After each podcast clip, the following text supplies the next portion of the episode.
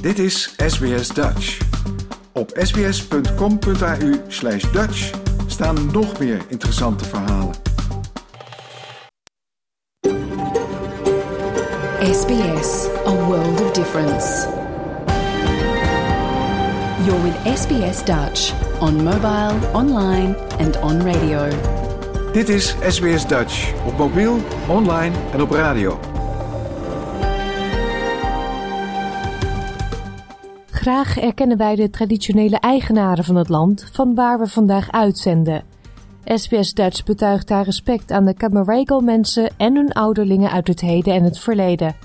Ook erkennen we de traditionele eigenaren van alle Aboriginal en Torres Strait Islander landen van waar u vandaag naar ons programma luistert. Een hele goede morgen. Mijn naam is Paulien Roesink en u luistert naar SBS Dutch, het Nederlandstalige radioprogramma van SBS. Vandaag is het woensdag 2 augustus 2023. Het komende uur blikken we terug op de 7-0 overwinning van de Oranje Vrouwen tegen Vietnam op het WK voetbal. En dat doen we met sportjournalist Jaap de Groot, die erg onder de indruk is van het spel van Nederland. Verder een nieuwe aflevering van de SBS Settlement Guide. Nee, die naam mag ik nu niet meer noemen, want vanaf nu gaat het verder onder de naam Australia Explained. Dit keer gaat het over het Voice to Parliament referendum. En u kunt ook luisteren naar het gesprek dat SBS Dutch-verslaggever Jeroen Schouten had met de Nederlandse minister van Sport Connie Helder. De minister was kort in het land om de Nederlandse dames aan te moedigen op het WK, maar ook om met de FIFA te praten over het bod van Nederland samen met België en Duitsland voor de organisatie van het toernooi in 2027. Dat en muziek straks, nu eerst onze nieuwsflits.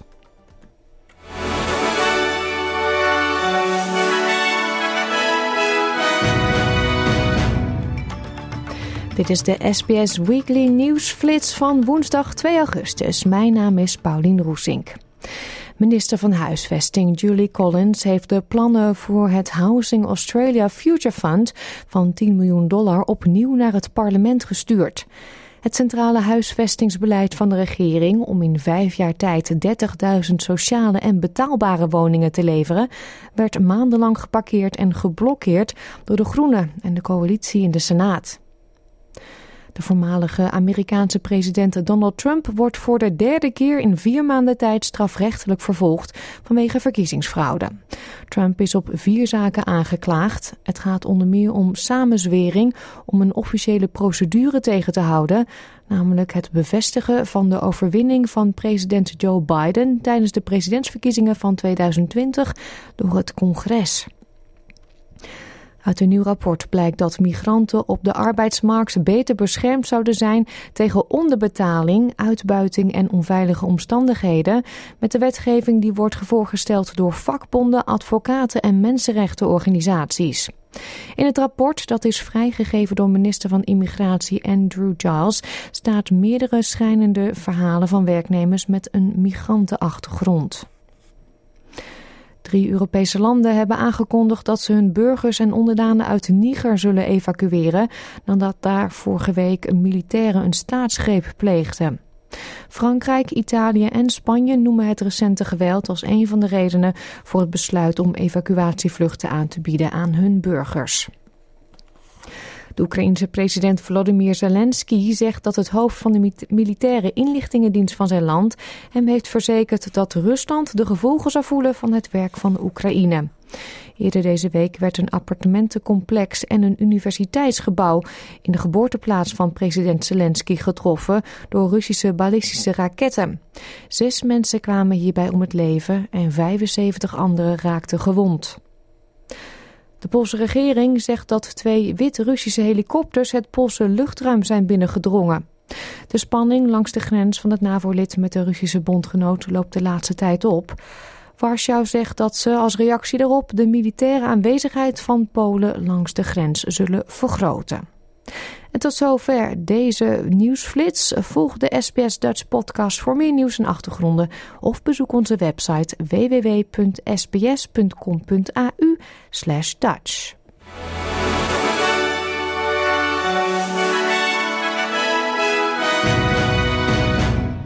Gaan we verder met ander nieuws uit Australië. De honingpotmier, die voorkomt in woestijngebieden in Australië, wordt door onderzoekers bestudeerd vanwege zijn geneeskrachtige eigenschappen. Bij dit onderzoek wordt gebruik gemaakt van traditionele indigenous kennis. Honingpotmieren spelen namelijk een belangrijke rol in de cultuur en het dieet van indigenous volkeren in West-Australië en de Northern Territory. Ze hebben hun naam te danken aan hun gezwollen buik die gevuld is met zoete eetbare honing. Voor Danny Ulrich van de indigenous gemeenschap van Chupan zijn honingpotmieren altijd al een deel van zijn leven geweest. Zolang hij zich kan herinneren gaat zijn gemeenschap regelmatig de boes in om te jagen en voedsel te verzamelen. En traditioneel zijn het dan de vrouwen die op zoek gaan naar de honingmieren. You know, we would go out in the morning. The ladies would pick a spot to dig, and uh, then the men would all get in the, you know, go out and hunt for kangaroos and goannas and goats and turkeys and whatever else is out there. And by the time we'd come back, um, you know, we'd come back in, and more often than not, um, we'd be looking for the ladies, and all we'd see is just the top of their heads because they've dug down that deep. so, um, and you know, the honey ants were always a, a, a nice treat. So you weren't you weren't digging that much that you going to have a big meal from them, and you and you wouldn't want to eat that many of them either because they're terribly sweet. Danny Ulrich en leden van zijn familie runnen Goldfields Honey Ant Tours in Kalgoorlie in West-Australië. Tijdens de honingpotmier-rondleiding laten ze mensen zien hoe de mieren worden uitgegraven en hoe ze smaken. Vanwege de culturele traditie dat alleen vrouwen naar mieren zoeken, verzorgen zijn moeder en tante dat deel van de tour. I do go out on the day. I also do the food and stuff for the tour. But the ones that do the heavy lifting and the digging, it will be my mother Edie and Auntie Marjorie. Um, and yeah, those without those ladies, it'd be not getting done at all, really. Meneer Ulrich en zijn familiebedrijf hebben ook onderzoekers van de Universiteit van Sydney geholpen bij het verder onderzoeken van de geneeskrachtige eigenschappen van de mieren. De connectie kwam tot stand nadat Andrew Dong van de School of Life and Environmental Science aan de Universiteit van Sydney contact had opgenomen. Vervolgens leverden ze aan de universiteit enkele honingpotmieren voor onderzoek, wat trouwens geen gemakkelijke taak was, aangezien de mieren over het algemeen moeilijk te vinden zijn. Het onderzoek, gepubliceerd in de tijdschrift PeerD, werd geleid door Andrew Dong en Dr. Kenya Fernandez van de universiteit. Dr. Fernandez zegt dat met deze studie de mierenhoning voor het eerst wordt onderzocht op zijn geneeskrachtige eigenschappen. Ze legt uit hoe ze verschillen van veel andere mieren die in Australië voorkomen. Yeah, so the main difference is the fact that these ants have this specific class called repletes. So the way it works is that the worker ants will sort of designate one ant to be this replete and they will feed it with nectar and that ant will collect all of the nectar and its body will slowly swell up and engorge until it's swelled to about the size of a small grape. And that these ants that are then called repletes, um, they hang from the ceiling of the colony and in times when there's food scarcity and the workers need to distribute the honey, the ant will then regurgitate and feed all the workers in the colony. Al duizenden jaren worden honingpotmieren gebruikt door inheemse volkeren om verkoudheid en keelpijn en andere kwalen te behandelen. De onderzoekers hebben bevestigd dat de honing van de mier ook effectief is bij de behandeling van de bacterie die over het algemeen bekend staat als de gouden staphylococ, die meestal infecties veroorzaakt op de huid en neus, maar ook steenpuisten en abscessen kan veroorzaken. The most interesting thing we found is that the ant honey is very active and it's also quite specifically active, which means it's really good against some pathogens and not so good against other pathogens. And that's really interesting to us. And the ones that it has the strongest activity against seems to align in some way with the kind of pathogens that the ant would encounter in its environment. So, for example, we found that the honey was really good against Cryptococcus, which is a pathogen that would be found in trees and is something that the worker ants might encounter as they walk through the trees in search of uh, nectar. And we also found that it was really good against aspergillus, which is kind of a fungus that is present really everywhere in the environment, but also specifically in the kind of desert, dry, arid soils that these ants live in. So it really seems like the activity of the honey is in some way shaped by perhaps what the ants encounter in the environment and what they need protection against. Het onderzoek bevestigde ook dat mierenhoning anders werkte dan manuka-honing van de bij, die ook wordt gebruikt bij plaatselijke behandeling van huidinfecties en wonden. De honing van de honingpotmier heeft een speciaal effect dat het onderscheidt van andere soorten honing. Dit betekent dat de mierenhoning verbindingen zou kunnen bevatten met belangrijke antimicrobiële eigenschappen. Wat de volgende stap is, valt volgens professor D. Carter, ook van de School of Life and Environmental Science, nog te bezien. Well, we don't know what the magic ingredient is yet, so we haven't been able to progress that that area of research yet. Um, so no, we don't know if we can, but if um, we would hope that if uh, we were able to de- to determine exactly what it is, that it might be something that we could make, or uh, really our colleagues in chemistry um, could make. Um, but at the moment, we have no idea what it is, so we don't know how how easy or hard that would be. Dit was een verhaal van Peggy Kiagoumelos voor SBS Nieuws in het Nederlands geproduceerd door SBS Dutch. Misschien heeft u het gemist, maar het Nederlands elftal is door naar de achtste finale op het wereldkampioenschap vrouwenvoetbal. Dankzij het 1-1 gelijkspel tegen Amerika vorige week en de 7-0 monsterzege op Vietnam gisteren eindigde de Oranje Leeuwen bovenaan in Pool E. Vanmorgen heel vroeg belde ik met sportjournalist Jaap de Groot in Nederland. Hij is zwaar onder de indruk van het spel van de vrouwen van Oranje. Jouw gemeenschap, jouw gesprek. SBS Dutch. Om te beginnen, ere wie ere toekomt, Jaap. Want uh, het is alweer een week geleden en we zijn eigenlijk twee wedstrijden verder. Maar uh, jij zei Amerika, Nederland, daar kan een gelijkspel in zitten. En dan uh, moet het gewoon zoveel mogelijk scoren tegen Vietnam worden. Nou, dat is gelukt. Ik moet je eerlijk zeggen, Paulien. Nederland-Amerika is in mijn persoonlijke beleving de beste vrouwenvoetbalwedstrijd die ik ooit gezien heb echt op een heel hoog niveau van twee kanten. Uh, tactisch heel sterk. Eigenlijk zoals met totaalvoetbal, dat je zag dat de vrouwen heel goed met de ruimte omgingen. Uh, want ik, ik ben altijd ook een beetje, altijd een beetje cynisch als men over 5-3-2, 4-3-3 begint. Uh, omdat je, ja, ik zeg altijd, ja, dat was nou de kracht van het Nederlands elftal in 74 toen ze totaalvoetbal speelden. Ik zeg dat was een tactiek waarin duizend tactieken in 90 minuten werden toegepast. Ene moment was het 4-3. Dus een moment uh, in Nederland-Uruguay dat er acht man op het middenveld staan om de Uruguayanen in te sluiten. Het totaalvoetbal, de basis totaalvoetbal is ruimte. En ik moet zeggen, dat zag je heel goed tegen Amerika. Dat hoe Nederland uh, zijn ruimte uh, benutte. Maar zeker ook tegen Vietnam. En het waren toch twee verschillende wedstrijden. En wat ik persoonlijk heel knap vind van Andries Jonker. Is wat Louis Vergaal niet lukte met de WK mannen in Qatar, was dat hij die 5-3-2 van een soort defensief imago ontdeed. Maar wat je met Andries Jonker nu ziet, die start weliswaar bij balverlies met 5-3-2, maar komt in balbezit uit met 3-5-2. Dus met vijf mensen op het middenveld, die vervolgens op de helft van de tegenstanders de, de ruimtes benutten. Ja, en dat maakt Nederland, uh, dat maakte Nederland in de eerste, vooral de eerste helft tegen Amerika ongrijpbaar. Ja, dat was tegen Vietnam. Was dat weer een stap verder. En wat ik gewoon heel mooi vond. Kijk, de tweede wedstrijd tegen Amerika. Je speelt wel tegen Amerika. En dan moet je gewoon ook realistisch zijn. Die ploeg is in principe beter. En dat zag je ook wel aan de cijfers. Opvallend was wel dat Nederland had 56% balbezit tegen Amerika. Wat aangeeft dat Nederland wel een soort regie had. Ik heb heel weinig blinde ballen naar voren geschoten gezien. Uh, met uitverdedigen. Er werd gewoon echt uh, positioneel goed gespeeld. Er werd geprobeerd de bal rond te spelen. Ja, en als je dan een, een, tegenstander hebt die dat ook heel goed beheerst, dan krijg je gewoon een wedstrijd op heel hoog niveau. En dan kan er zomaar een gelijkspel uitkomen, wat, wat ook dik verdiend was. Maar vervolgens moet je wel in staat zijn om tegen Vietnam, wat een stuk minder is, om daar op een andere manier dan toch van je drie trapsraket de derde fase eh, goed af te ronden. Door veel doelpunten te maken. Ja, en dat deden ze, dat was weer de volgende stap. Ze bleken dus daartoe ook heel goed in staat door heel goed de ruimtes te benutten.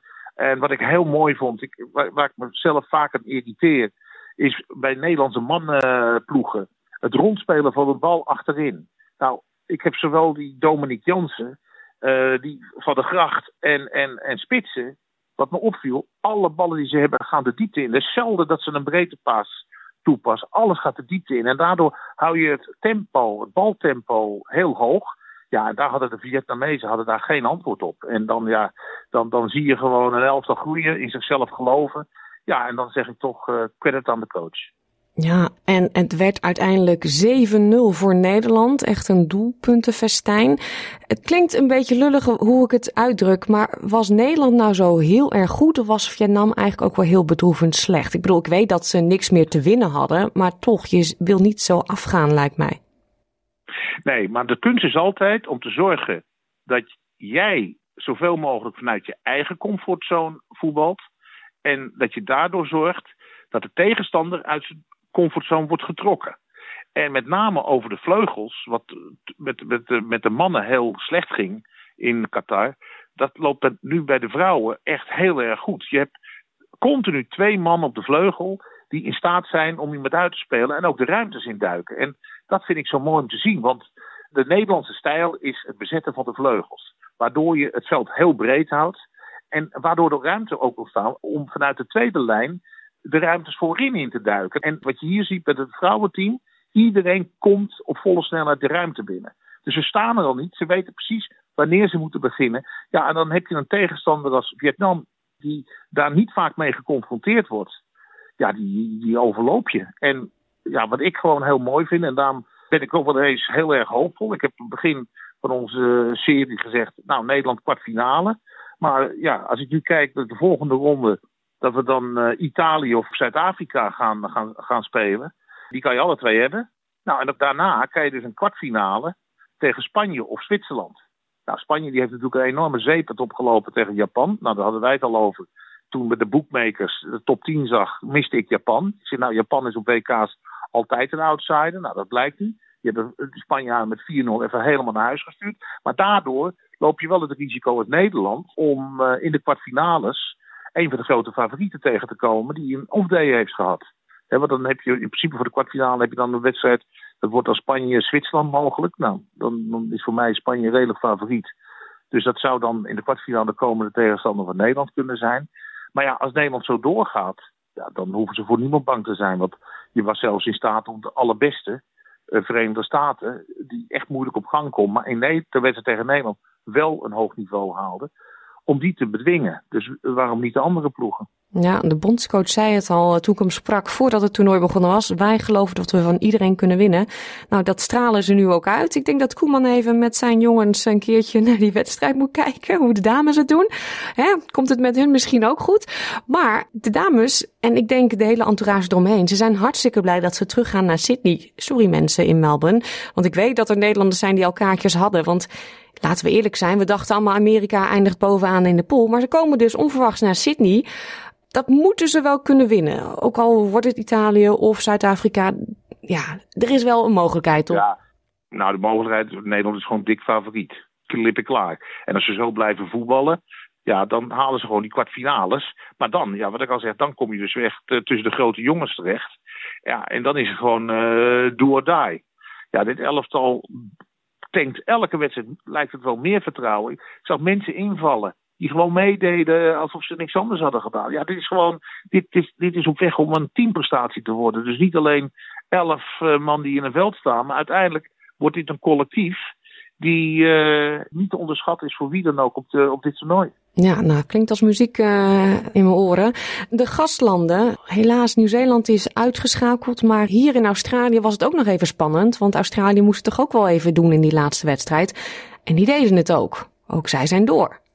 Ja, en fantastisch. Tegen de Olympisch kampioen, Canada. Ik geef je het maar te doen. Want ik dacht echt, oh, nou gaat eindelijk een keer het WK naar Down Under. Dan geeft Nieuw-Zeeland eigenlijk een troef die ze in de eerste wedstrijd pakte door met 1-0 van Noorwegen te winnen. Waardoor ineens Nieuw-Zeeland helemaal vrouwenvoetbal gek was. Helaas maar voor een week. Daar was op een gegeven moment de droom weer dan uh, aan Flentes ges uh, geschoten. Ja, en dan gaat Australië gaat ook nog in de fout tegen Nigeria. Dus ik dacht, ja, het doemscenario van de twee organisatoren uit het toernooi, daar moet je niet aan denken. Dan is het toernooi slaat, dood. Maar ja, wat dat betreft heeft Australië wel, is wel in staat gebleken om die typische wedstrijdmentaliteit van do or die, alles of niks. Ja, en dan een, echt een fenomenale prestatie tegen Canada.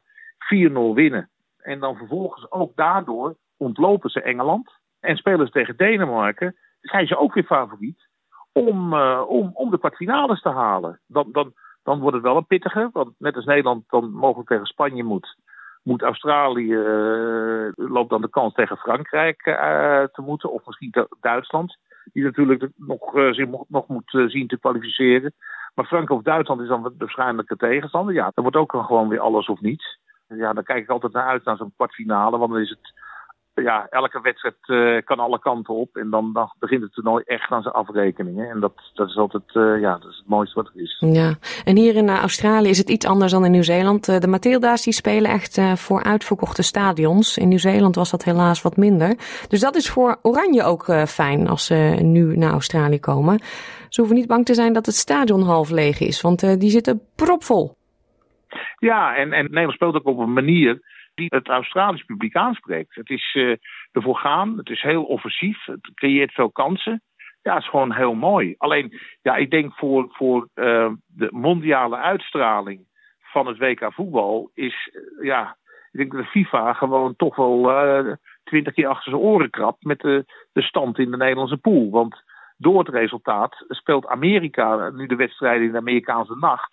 Terwijl eigenlijk het bedoeld was als proefwinnaar dat Amerika de, de wedstrijden primetime in uh, Amerikaanse tijd zou spelen. En Nederland zou dan in de Nederlandse ochtend gaan spelen, waardoor we ook meer kijkers hadden. Ja, nu is het precies andersom. Amerika speelt in de nacht, maar Nederland nu ook in de nacht. Dus ja, dat is, uh, dat is voor de FIFA niet echt handig geweest. Maar het publiek in Sydney heeft er weinig last van, want die kunnen gewoon op een normale tijd. Op, hoeveel tijdverschil is het? Acht uur met jullie? Ja, het is voor ons twaalf uur s middags. Op een zondag. Ja, 12 uur Heerlijk, met het gezin. En voor ons zaterdag uh, 4 uur in de nacht. Dus het is wel een zaterdagavond, dus mensen kunnen uit het café dan rechts Zo door het huis voor de buis. dus de, doorrollen, weet je. Dus dan uh, hebben we meteen sfeer ook in de huiskamer. Maar dat was dus niet gepland. Het was gepland echt dat Amerika, want om even een indicatie te geven. Nederland-Amerika is in Amerika door 6,5 miljoen mensen bekeken. Dat is het hoogste aantal ooit gehaald tijdens een groepswedstrijd van een uh, WK in een Engelstalig land. Nou, nu die wedstrijden van Amerika in de nacht worden gespeeld, ga je die aantallen niet halen. Dus ja, voor de, zeg maar de, de, het, rendement van de investeringen van de Amerikaanse broadcasters is het natuurlijk uh, niet grappig. Dus ze moeten maar heel snel orde op zaken stellen in hun pool. Dat ze uiteindelijk gewoon vanaf de halve finales weer normale Amerikaanse tijd gaan spelen. Ja, toch grappig om te horen dat daar toch vooraf al rekening mee wordt gehouden. En dan zie je, dan kan er in één keer iets gebeuren en dan is het anders. Ja, ja en dat is mooi voor sport, hè? Precies. Dat zo kan. Ja. ja. nou ja, we weten nog niet zeker wie onze tegenstander wordt zondag. Uh, maar wat denk jij of wat hoop je? Ja, ik denk eerlijk gezegd toch dat, uh, dat Italië het wordt. Maar het zou wel leuk zijn op zich dat Zuid-Afrika uh, zou stunten. We hebben, hier genoeg stunten gezien. Hè. Uh, de Colombia tegen de Duitsers, weet je, Nigeria tegen de Australiërs. Dus ja, uh, waarom niet Zuid-Afrika tegen Italië? Want Zuid-Afrika heeft natuurlijk ook wel wat te winnen. Want Zuid-Afrika is uh, met Nederland, Duitsland en België als één geheel en Brazilië hebben zich kandidaat gesteld om het volgende WK te organiseren. En daar valt binnenkort ook een beslissing over. Dus het zou heel prettig zijn als Zuid-Afrika zou stunten door de volgende ronde te halen. Dat geeft toch de, de bid, hun bid ook wat meer impact. Ja, we spreken elkaar volgende week weer. En uh, ja, laten we dan hopen dat we het hebben over um, de kwartfinales. Dat we allebei door zijn. En met allebei bedoel ik natuurlijk Nederland en Australië. Daar kunnen we niet omheen, ook de Matilda's. Nou, ik moet eerlijk zeggen, ik heb er goede hoop op. Dus wat dat betreft, uh, Paulien, we hebben er een paar uh, mooie dagen om naar uit te kijken. Met hopelijk mooi voetbal. We hebben natuurlijk gezien hoe Australië kan pieken tegen Canada. We hebben Nederland uh, zien pieken tegen Amerika en Vietnam. Dus wat dat betreft, uh, ja, ik, ik, kijk er echt naar uit. Dankjewel. En uh, vroeg het wekkertje zetten, hè? Niet doorslapen. Gaat niet gebeuren. Dus dit, dit wil ik niet meer missen. Ja, dat zei sportjournalist Jaap de Groot. Zondag speelt Oranje dus haar achtste finale tegen Italië of Zuid-Afrika. Helaas is deze wedstrijd niet op het open net te bekijken, maar we houden u natuurlijk op de hoogte via de SBS Dutch Facebookpagina. Muziek dan nu. Dit is Omarmen van Bluff. Wist u dat Aboriginals en Torres Strait Islander volkeren niet worden erkend in de Australische grondwet? De federale regering heeft een referendum uitgeschreven voor Australiërs om te beslissen of ze de grondwet willen wijzigen om een Indigenous Voice to Parliament op te nemen. Maar wat is een referendum? Wie komt in aanmerking om te stemmen in Australië en wat zou een Voice to Parliament doen? U hoort het in een nieuwe aflevering van Australia Explained, voorheen de SBS Settlement Guide. SBS Dutch, woensdag en zaterdag om 11 uur ochtends of online op elk gewenst tijdstip.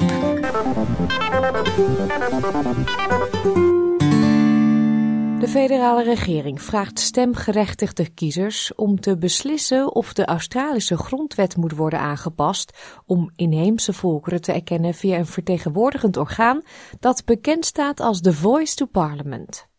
The Voice zal een groep gekozen mensen zijn die de regering zal adviseren over kwesties en wetten die First Nations volkeren raken.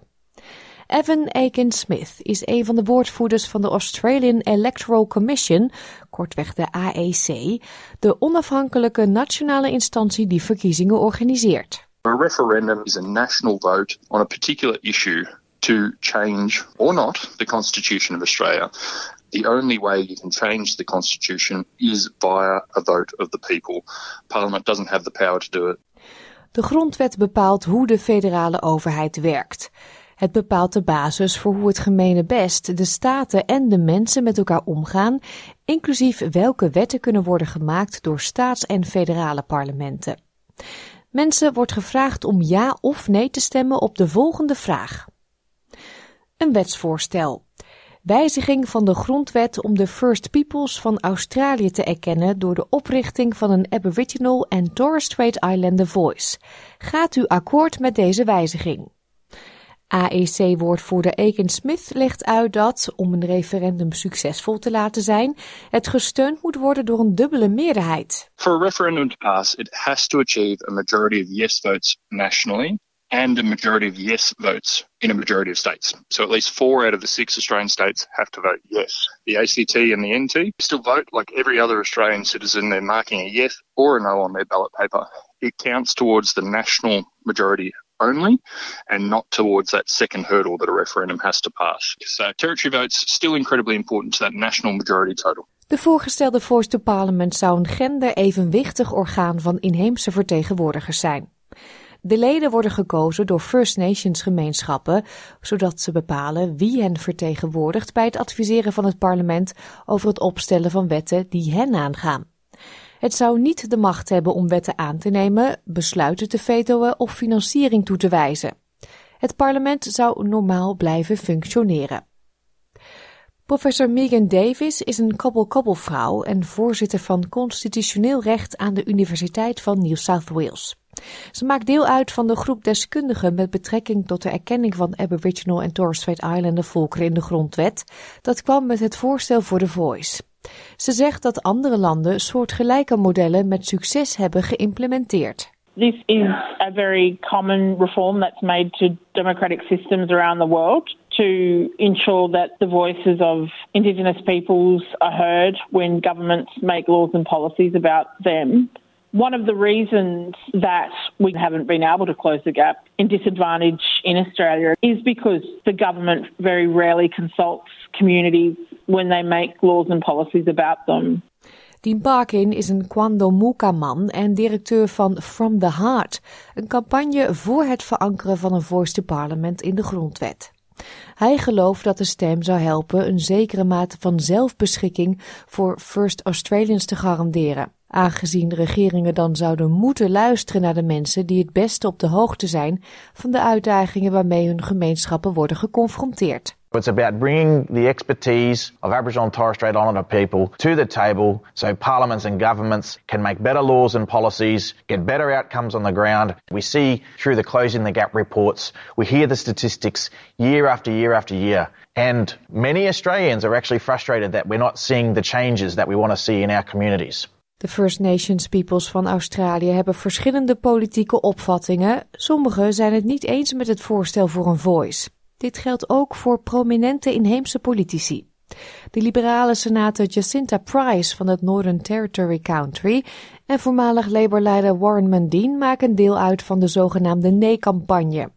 Ze beweren dat de Voice to Parliament weinig zal doen om de achterstand van de indigenous bevolking op te lossen.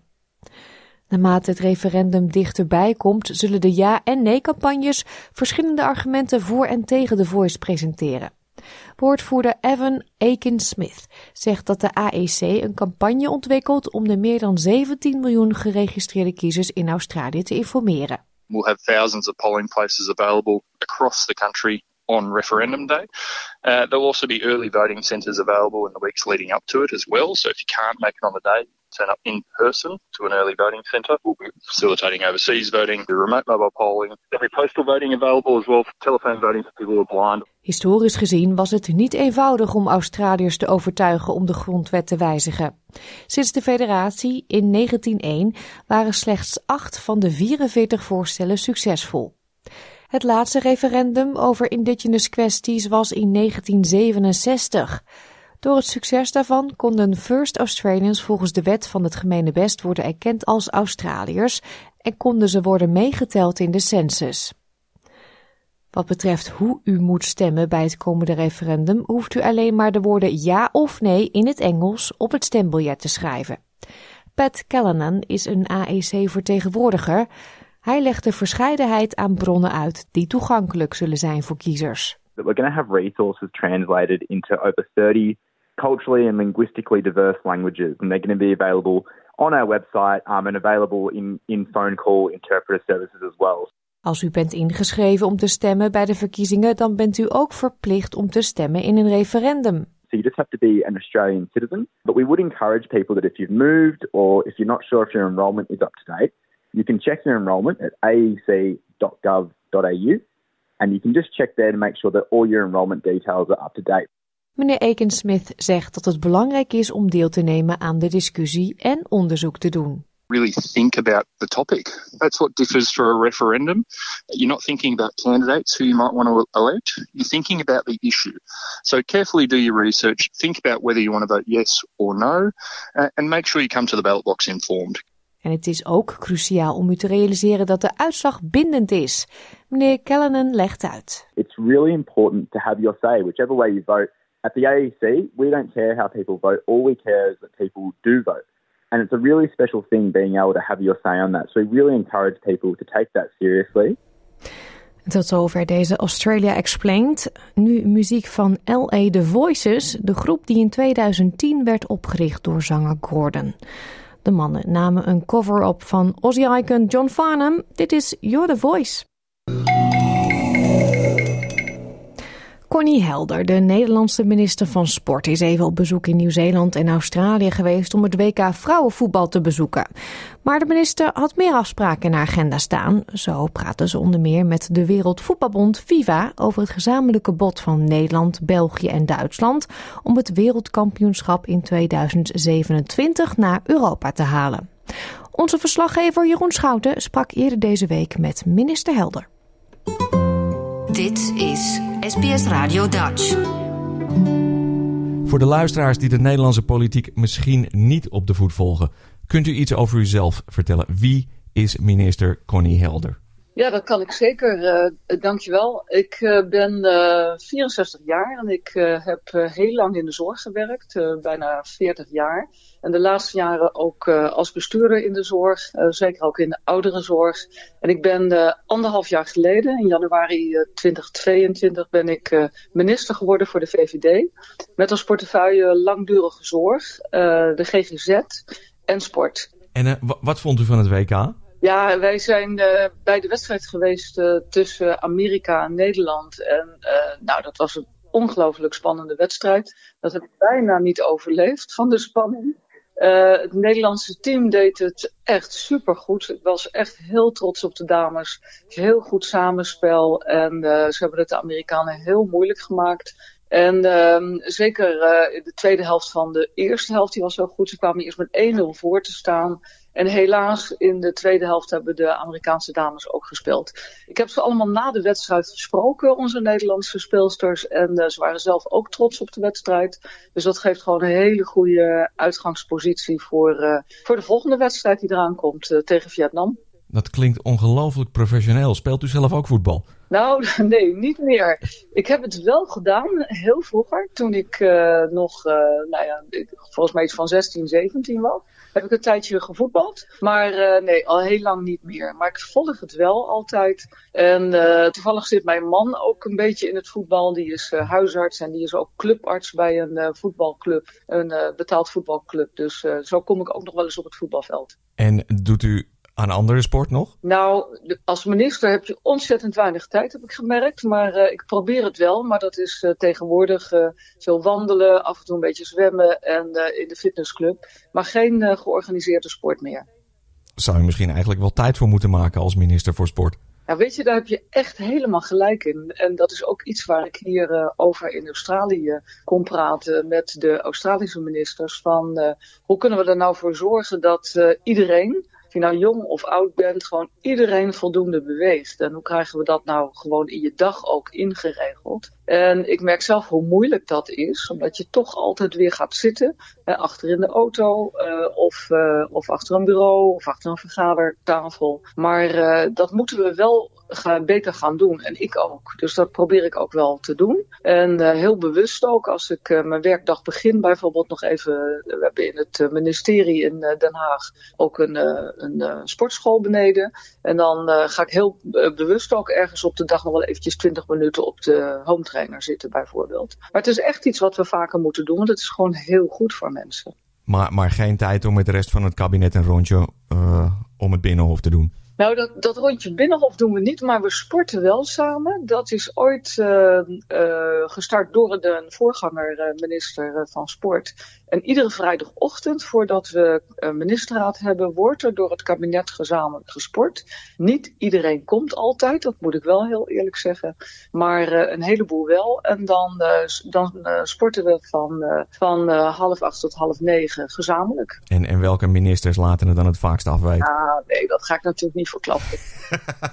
Zo flauw ben ik niet. Maar ik spreek ze er wel op aan, dat wel. Mooi. Heeft u tijdens het, dit WK-toernooi iets gezien waarvan u dacht... dat moeten we in Nederland ook gaan doen als wij gastland zijn? Ja, weet je, ik uh, vond uh, de organisatie uh, hier echt goed. we waren in uh, in Nieuw-Zeeland voor de wedstrijd tegen, tegen Amerika. En dat uh, was heel goed georganiseerd. Wat heel leuk was, was dat ook de Nederlandse fans de fanparade konden doen. dus gezamenlijk naar het stadion lopen met al het oranje. En uh, dat zijn dingen die we er in Nederland ook wel inhouden. En verder probeer ik op dit moment, want we moeten dit nog uitbrengen. Ehm, samen met de KNVB zijn we hier ook aanwezig, zowel in Nieuw-Zeeland als in Australië om erover te praten. Van wat is allemaal nodig om het te organiseren? Uh, hoe kunnen we het ook zorgen dat we het duurzaam organiseren? is ook belangrijk. En uh, we zijn op dit moment vooral aan het leren hoe brengen we het bid uit en hoe gaan we het winnen. Samen met uh, België en Duitsland. En daarna, ja oké, als we het dan echt gaan doen, wat moeten we dan doen in die organisatie? Dus ik ben hier vooral nog om te leren daarover.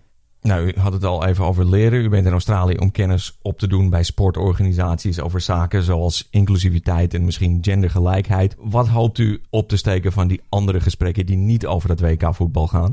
Het belangrijkste waar ik uh, voor kom gaat inderdaad over die, uh, over die gelijkheid, uh, gendergelijkheid, maar in feite ook alle andere vormen van gelijkheid. En, en, met name ook integriteit in de sport. Daar loopt Australië echt in voor. En we hebben in Nederland ook zo onze integriteitsproblemen. Er zijn een aantal onderzoeken die we hebben laten doen, waaruit blijkt dat we gewoon onvoldoende kunnen waarborgen dat jonge kinderen die sporten, maar ook ouderen die sporten, dat dat die echt veilig zijn in de situatie waar ze in zitten.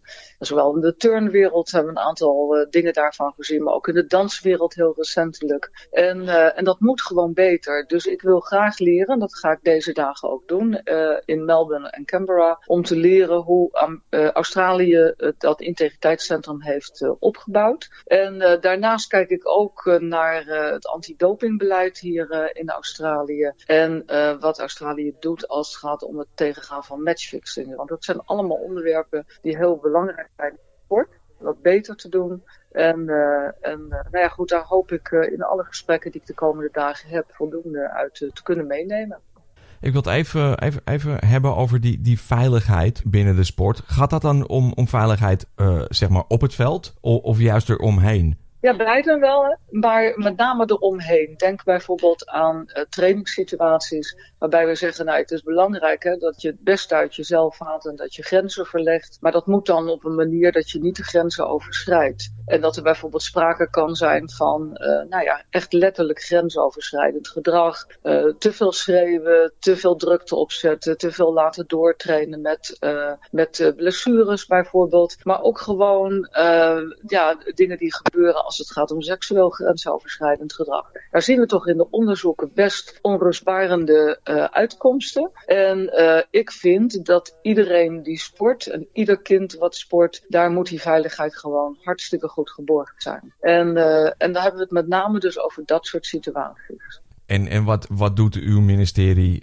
daar op het moment aan? Nou, we hebben op de eerste plaats dus deze onderzoeken laten doen om er goed achter te komen, omdat het in de verschillende sporten ook weer ja, verschillend ligt, hè, letterlijk, anders ligt. Mm-hmm. In de danswereld, het is het laatste onderzoek, uh, kun je denken aan de, de, grote balletscholen waar dingen gebeuren. Maar ook uh, als het gaat om uh, teams die, die steldansen leren. dat is weer een hele andere sector of in de entertainmentindustrie. En um, dus ik heb in ieder geval die onderzoeken laten doen, zodat we weten wat er aan de hand is en wat we daar dan vervolgens tegen zouden kunnen doen. En wat heel erg belangrijk daarbij is, is ook dat mensen naar voren komen met hun verhaal. Dat ze echt melden wat er aan de hand is en dat ze dat durven en dat ze ook weten dat er vervolgens iets mee gebeurt. Want dat is natuurlijk best eng. Als je in een situatie zit met een trainer en je denkt dit klopt allemaal niet, maar je weet eigenlijk niet zo goed waar je je verhaal moet doen, dan vind ik het belangrijk dat er echt een onafhankelijk meldpunt is waar je je verhaal kwijt kan. En dat er daarna ook iets mee gebeurt. Nou, dat zijn de onderwerpen waar ik in Nederland aan werk. Dat hebben we ook al in Nederland. We hebben een meldpunt, een centrum voor veilige sport. Maar dat is ondergebracht bij onze grootste sportbond, NOC-NSF. En uh, mijn bedoeling is om dat om te vormen naar een echt integriteitscentrum,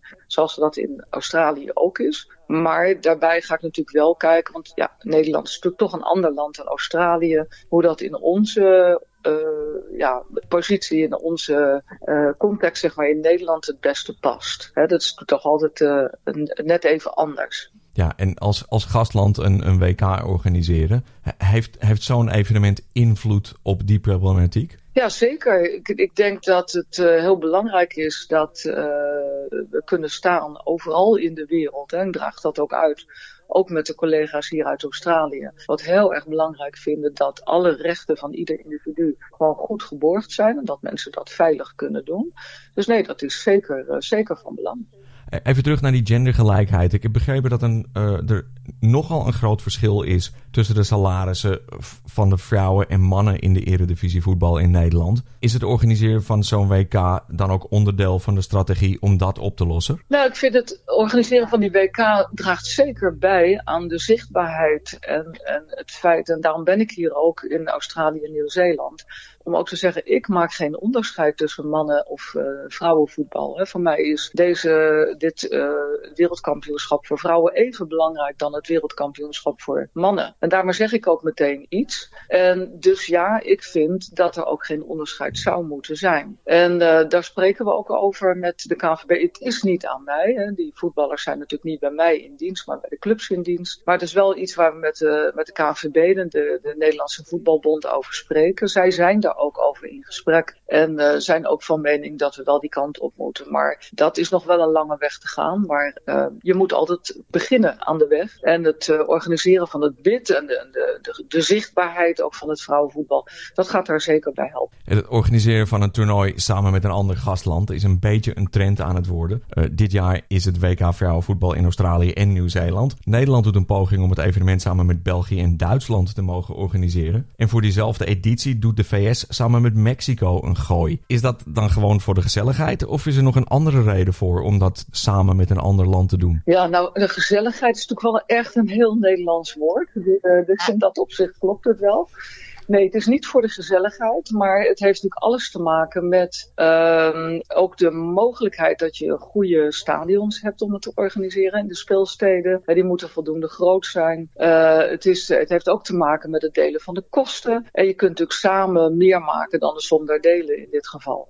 En Nederland en Duitsland en België liggen natuurlijk zo dicht bij elkaar. En we zijn ook natuurlijk op zoek naar, en die zijn inmiddels wel duidelijk geworden, goede speelsteden. We willen het ook duur duurzaam organiseren, zodat tussen de speelsteden bijvoorbeeld met de trein gereisd kan worden. En, ja, en dan is het wel heel mooi als je dat ook als drie landen kunt doen in de regio. En het geeft ook weer een nieuwe ja, boost aan de samenwerking tussen, tussen ons als, uh, als buurlanden. De manneneditie gaat naar, naar de, de Verenigde Staten toe in uh, 2026. Maakt Nederland eigenlijk wel een kans om het WK vrouwenvoetbal te kunnen organiseren? Ja, ik, wat mij betreft wel natuurlijk. Daarom ben ik hier ook, om daar rustbaarheid aan te geven. We gaan er echt voor. En ik denk uh, dat we zeker een goede kans maken als waarschijnlijk enige bid vanuit de Europese landen in ieder geval. Maar goed, er zijn, zijn sterke tegenkandidaten mogelijk mogelijkheid. Het moet allemaal nog uitgebracht worden. Maar weet je, wie niet waagt, wie niet wint. We gaan er gewoon voor. En, uh, en ik denk zeker ook met de inspanningen van de KNVB, die doet daar echt heel ook erg zijn best voor. En ook de steun van de overheid. Ook in mijn rol,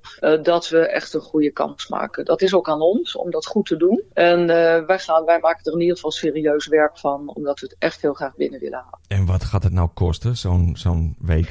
Ja, dat is nog niet bekend. Dat is zeker een goede vraag maar uh, dat is nu nog niet bekend. En het is ook daarbij wel belangrijk, en dat is ook wel waarom we natuurlijk ook met drie landen organiseren, om te zorgen dat we die kosten ook wel binnen de perken houden. Maar dat, daar kan ik je nog geen concreet antwoord op geven. En het animo is er wel bij die, bij die speelsteden? Ja, die hebben zichzelf gemeld. Er waren meer speelsteden dan we kunnen aanwijzen. Dus die hebben zichzelf ook gemeld. Dus ja, die zien het uh, heel erg zitten. Oké. Nog, nog heel even terug naar, naar die, geld, naar die centenkwestie. Over de hele wereld is de rek een beetje uit de economie op het moment. Uh, is zo'n WK dan, dan eigenlijk nog wel een verantwoorde uitgave? Nou ja, je zei het net zelf heel goed volgens mij. Hè? De, de, het kost wat, maar het brengt ook op. Uh, maar het brengt ook op bijvoorbeeld in uh, de lokale economie van zo'n speelstad. Hè? Alle hotels zitten vol, de horeca doet het goed. Dat betekent ook heel veel werkgelegenheid. Ook heel veel werk voor vrijwilligers bijvoorbeeld. Maar dat is ook een zinvolle besteding voor mensen. Dus uh, dat kan je niet altijd in, in euro's of in dollars uitdrukken. Maar ook dat levert op. En, en ik denk dat het belangrijk is dat we met elkaar blijven blijven ondernemen, ondanks dat we inderdaad op dit moment in de wereldeconomie echt wel een diepje ervaren. Maar uh, niks om bij de pakken neer te gaan zitten, zou ik zeggen, maar juist te gaan ondernemen en dingen te gaan doen met elkaar. Tot slot nog even. Wat is uw favoriete Nederlandse voetbalclub? Oeh, dat is natuurlijk een hele gevaarlijke als ik dat met jou ga delen. Want uh, iedere voetbalclub, daar moet ik natuurlijk van zijn als minister van Sport. Maar uh, ik, ik, durf er wel eentje te zeggen, want ik woon namelijk in Sertogenbos. Dus ik heb wel iets met FC Den Bosch. Dat moet ik dan ook wel weer eerlijk toegeven. Daar kom ik af en toe wel eens. Dat is niet uh, de, onze hoogste divisie waar ze voetballen op dit moment. Maar voor mij wel lekker dicht bij huis. Nou, u zei het zelf al, het is een gevaarlijke vraag. En u begrijpt waarschijnlijk aan de hand van mijn accent dat ik het niet helemaal eens ben met het antwoord. nee, dat snap ik. Eh, ja. Even zo goed, minister Helder. Bedankt voor dit gesprek. Graag gedaan. Dankjewel. Hè. En met dit gesprek van Jeroen Schouten met minister Connie Helder komen we aan het einde van deze uitzending van SBS Dutch. Op onze website www.sbs.com.au Dutch kunt u alles nog een keer op uw gemak terugluisteren of onze podcastseries ontdekken. Dit kan trouwens ook via de SBS Audio app. Deze is gratis te downloaden in de Apple Store en in Google Play. Zit u op Facebook, dan kunt u ons daar opzoeken en een like geven. Zo blijft u op de hoogte van ons programma. En ja, dan sluiten we vandaag af met een liedje uit 1965. Dit is Sofietje van Johnny Lyon. Ik wens u een hele fijne dag. Graag tot zaterdag. Like, deel, geef je reactie.